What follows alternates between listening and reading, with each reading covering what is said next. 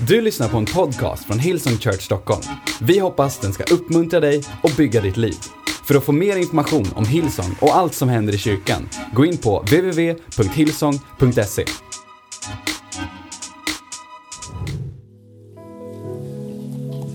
Jag läste i, uh, i veckan ett bibelord i, jag ska erkänna att det inte alltid jag läser i Uppenbarelseboken. Uh, men jag läste det i veckan och jag tänkte på vårt Heart for the House. Vi ska alldeles strax ha våran Heart for the House-insamling och jag ska berätta mer om den alldeles strax och vi ska fira nattvard. Men det står så här i Uppenbarelseboken kapitel 3 eh, och eh, vers 8, eller vers 7 så står det så här. Skriv till budbäraren för församlingen i Philadelphia, din stad. Så säger han som är helig och sann och har Davids nyckel. Han som öppnar så att ingen kan stänga och stänger så att ingen kan öppna. Jag känner dina gärningar. Se nu har jag öppnat en dörr för dig som ingen kan stänga. Din kraft är inte stor, men du har hållit mitt ord och inte förnekat mitt namn. Jag läste bibelordet och jag har tänkt på vår kyrka, tänkt på vår församling. Hur, eh, hur Gud har lovat oss att öppna en dörr för oss. Till att nå in till människor som ingen annan kan nå in. När vi startade det här så gjorde vi det med en absolut övertygelse om att Gud inte har någon annan plan för att rädda den här världen än sin församling. Det kommer ingen Messias 2.0. Det kommer inga änglar att ta våran plats och göra det åt oss. Bibeln säger att vi är Kristi kropp. Att Kristus är huvudet och att vi är hans kropp.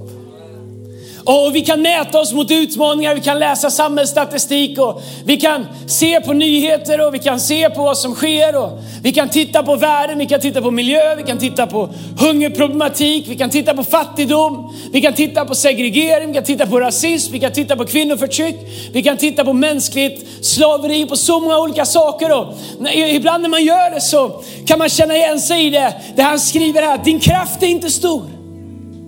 För hur ska vi kunna göra skillnad i allt detta? Hur ska, hur ska vi kunna göra skillnad? Kanske inte i hela världen på en gång. Men kanske där vi står. Om vi inser att Gud har makt att öppna en dörr som ingen kan stänga. Om vi inser att det inte är på grund av hur mycket vi har eller hur brighta vi är eller hur många vi är eller hur mycket resurser vi har, utan ytterst sett har att göra med att Gud säger att han vill öppna en dörr. Att han har en nyckel där han kan öppna en dörr som ingen kan stänga. Och om Gud öppnar en dörr för oss som kyrka till att verkligen göra ett avtryck i varje generation så är det bara upp till oss kvar att välja om vi vill gå in i den. Och jag ska erkänna att ju större, när vår kyrka var liten så tänkte jag, det här kommer aldrig att gå, hur ska vi kunna starta en kyrka? Jag tänkte det blir enklare när vi blir större. Men ju större vår kyrka blir, ju mer tänka, hur ska vi göra det här?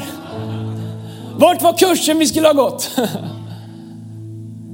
Paulus skriver i första Korinthierbrevet kapitel 2 så, den store Paulus som har skrivit två tredjedelar nya testamentet, som vi hyllar och som vi berättar om all rätta.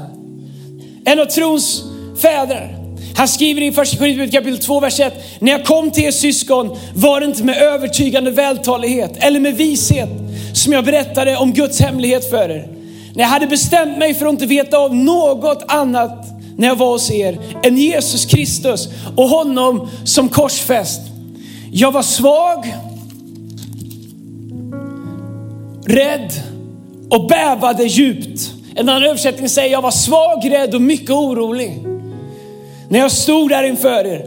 Mitt budskap och min förkunnelse var inga övertygande visdomsord, utan de gav bevis på ande och kraft. Så att eran tro inte skulle bygga på mänsklig vishet, utan på Guds kraft. Och när jag läser Uppenbarelseboken och när jag ser vad Paulus gör, så inser jag att Gud säger att han känner våra gärningar. Att det enda han vill ha det är att vi gör våran del. Att det värsta vi skulle kunna göra, det är att säga att vi kan inte göra allt så vi blundar. Men om det är någonting som vi bestämde oss från början så är det att vi kanske inte kan göra allting, men en sak kan vi göra. Vi kan låta bli att blunda. Ja, här är grejen. När vi har valt att se, då har vi också valt att göra någonting.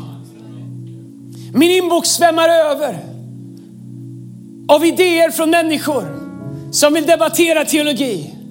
Jag kan ibland känna, hur är det möjligt att vi kan hänga upp oss på saker som inte gör en skillnad för någon människa? När barn somnar hungriga, när familjer slits itu, när äktenskap går sönder, när människor växer upp med skeva självbilder som de bär med sig långt in i vuxenlivet och kanske hela livet. Hur kan det vara så att vi har svaret? Och ändå inte väljer att gå in genom de dörrar som Gud öppnar. Och tack gode Gud att jag får en del av en kyrka som har bestämt sig för att vara annorlunda. Vi har inte alla svaren, men vi känner han som är svaret. Vi har många gånger stått inför situationer där vi inte vet vad nästa steg är. Men tack gode Gud att vi känner han som har en nyckel som kan öppna en dörr som ingen människa kan stänga. Han kan göra det som är omöjligt för människor. Det är möjligt för Gud. Och varje år när vi kommer till Heart for the House så sitter det en liten, jag vet inte vad det är, på min axel och säger Andreas det här kan inte fortsätta att växa. Men det finns en annan röst på insidan som säger att han som var trofast igår, han är trofast idag och han kommer vara trofast imorgon. Därför att våran kyrka är aldrig byggd på några få människors stora gåvor eller talanger, utan på alla våra gemensamma uppoffringar. Så min fråga till dig är här idag, har du sett? Har du låtit Gud öppna dina ögon? Har du låtit Gud använda dina ögon för att se vad som ligger på hans hjärta? Och se det han längtar efter att få göra i våra städer. Någonting hände med vår kyrka för några år sedan. När vi gick ifrån drömmen om att bygga en kyrka. För två, tre år sedan så började vi prata om att vi bygger en kyrka som förvandlar en nation. Ni hör i filmerna hur vi pratar om en ung generation, hur vi pratar om familjer, hur vi pratar om äktenskap, hur vi pratar om samhället. När vår kyrka skiftade från att bara bygga någonting som kanske en dag skulle bli någonting och vi har så mycket framför oss. Men jag kom till en punkt där jag upplevde att Gud sa till mig, du behöver, vi, ah, att, vi, ah, ah, att vi, vi behöver inte vänta tills vi blir någonting innan vi kan börja göra det Gud lägger på våra hjärtan. Vi är här för inte bara oss, vi är här för samhället. Vi är här för generationer. Vi överlämnar inte framtiden till politiker även om vi ber för dem och tackar Gud för dem och Bibeln säger att vi ska välsigna dem. Äh, vi ser utmaningar och vi säger Gud, vi är här för att göra en skillnad. Gud har fortfarande ett uttryck på jorden sedan Jesus lämnade, det kallas hans församling. Gud har fortfarande en plan, en lösning och ett hopp för varje människa. Tänk om alla människor som kallade sig kristna, som trodde på Gud, skulle bestämma sig för att göra någonting litet var och en av oss. Man tror att det är kanske uppåt 2-3 miljarder människor, minst, i världen som har en genuin Jesus-tro. Vi skulle kunna förvandla allt på jorden. Bibeln, äh, inte Bibeln säger det, finns ett uttryck som säger allt som krävs för att ondskan och mörkret ska regera är att ingen tänder ett ljus. Spelar ingen roll hur mörkt det är, vi kan fortfarande tända ett ljus. Där du är, där vi är. Om några få av oss bestämmer oss för att göra det. I, i Matteus kapitel 5 står det, vi är här för att vara ljus. Inte sätter man ett ljus under, ett, under skeppan eller gömmer det, utan man sätter upp det på väggen så att det kan lysa upp för alla människor.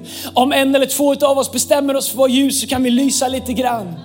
Om Gud bestämmer sig för att låta sitt ljus lysa på en eller två av oss så, så kommer det synas lite grann. Men om massa människor bestämmer sig för att låta sitt liv lysa och vi bestämmer oss för att inte bara vara utspridda här och där och bråka om saker som inte spelar någon roll. Utan vi bestämmer oss för att vara Kristi kropp fungerande, sammanslutna, överlåtna eh, med en uppenbarelse om kraften i enhet. Så kan vi lysa upp den här världen och jag tror på det av hela mitt hjärta. Det är inte bara peptalk och propaganda. Jag tror att vi vi kan lysa upp varje skugga, varje vrå och varje del av vårt samhälle. Jag tror att vi kan göra en kärleksrevolution. Det finns ingen del av samhället där det inte finns någon som tror på Gud som skulle kunna lysa. Heart for the house. absolut att det handlar om att samla in resurser till allt det som Gud har kallat oss till. Men det handlar också om att rikta våra hjärtan, om att rikta vårat ljus mot det som spelar roll. Det handlar också lite grann om att ta oss ibland själva ur hela våran spegelbild. Och kanske ta våran spegel och istället för att rikta den mot oss för mycket, ta våran spegel och rikta den mot ljuset så att vi kan reflektera till de som inte ser. Påminna oss om varför vi är här, påminna oss om vårt purpose, påminna oss om vårt uppdrag. Att det som startade så lite 13 år senare faktiskt gör ett avtryck och framöver kan göra ett ännu större avtryck. Heart for the House för mig är en helig stund. Därför att Bibeln talar så mycket om offer. Vi säger att Heart for the House är en stund där vi bär våra offer till Gud. Var och en från våra egna förutsättningar. Det enda jag vet med Heart for the House är att det finns ingen fördömelse i det. Om du inte vill vara med och ge så finns det ingen fördömelse. Om du tror att det du har att ge inte är någonting jämfört med någon annan så har du inte ens förstått vad det är vi gör. Bibeln säger att finns den goda viljan, Paulus säger det, så, så är den inte välkommen med, så, så räknas det inte vad den har utan den är välkommen med vad den har. Att Gud välsignar vår uppoffring utifrån våra förutsättningar. Men när vi var och en tar det vi har, det som är en uppoffring för oss. För en del är det lite, kan verka så lite, men för dem är det en uppoffring. För andra så är en uppoffring mycket mer. Men när vi bestämmer oss för att faktiskt göra en uppoffring, för att sätta ljus till det som Gud vill göra, så har Gud hjälpt oss att växa på så många olika områden. Så att vi kan sprida det här så mycket mer än vi någonsin hade kunnat drömma om. Jag vet familjer som har förberett sig sedan i januari. Jag vet en del av eh, människor i vår kyrka som där Gud har lagt sak på hjärtat sista veckan, det spelar ingen roll. Här är vi idag. En del av er ni kanske inte har bestämt er förrän nu. Men Bibeln säger att det är välkommet med vad vi har och bedöms inte efter vad vi inte har. Vi ska göra det vi alltid gör. David han sa, en gång när han skulle offra så var det några som sa, du kan få djur av oss. Som du kan offra. På den tiden offrar man djur, det gör vi inte nu, det är lite mer städat nu. Men David sa, nej jag vill inte ha djuren gratis, jag vill köpa dem. Jag vill betala för dem, för jag vill inte offra det till Gud som inte har kostat mig någonting. Därför är Hartford House en helig stund, för vi bär fram våra offer till Gud. Och vi står i tro för att vi vet att Bibeln säger att utifrån att vi sätter Gud först så har Gud lovat att göra de mirakel i våra liv. Inte för att vi ger, det är inte som att vi köper Guds mirakel, men det är en naturlig biprodukt av att vi sätter Gud först i våra liv. Det går inte ge till Gud och inte bli välsignad. Så min bön i Heart for the House, det är att du skulle få se dina mirakler. Att Gud skulle öppna dina dörrar. Att öppna dörrar inte handlar om vad som öppnas för oss som organisation, utan det handlar om vad som öppnas för oss som kyrka. Och kyrka det är du och jag tillsammans med Jesus. Vi står i tro för alla genombrott som vi står i tro för i våra familjer, i hälsa, i företag, med våra barn, med vad det än är. Att vi skulle se Guds trofasthet på livets alla olika områden. I gamla testamentet så läser vi att Gud alltid besvarar offer med sin eld. Det innebär att han alltid besvarar offer med sin närvaro och med sin kraft och med sin förmåga. Jag är övertygad om att det kommer ske i våra liv här idag också. Oavsett vilken campus vi är på. Så vi ska fira nattvard tillsammans. Vi ska ha en klassisk gammal nattvard. Du har lyssnat till en podcast från Hillsong Church Stockholm.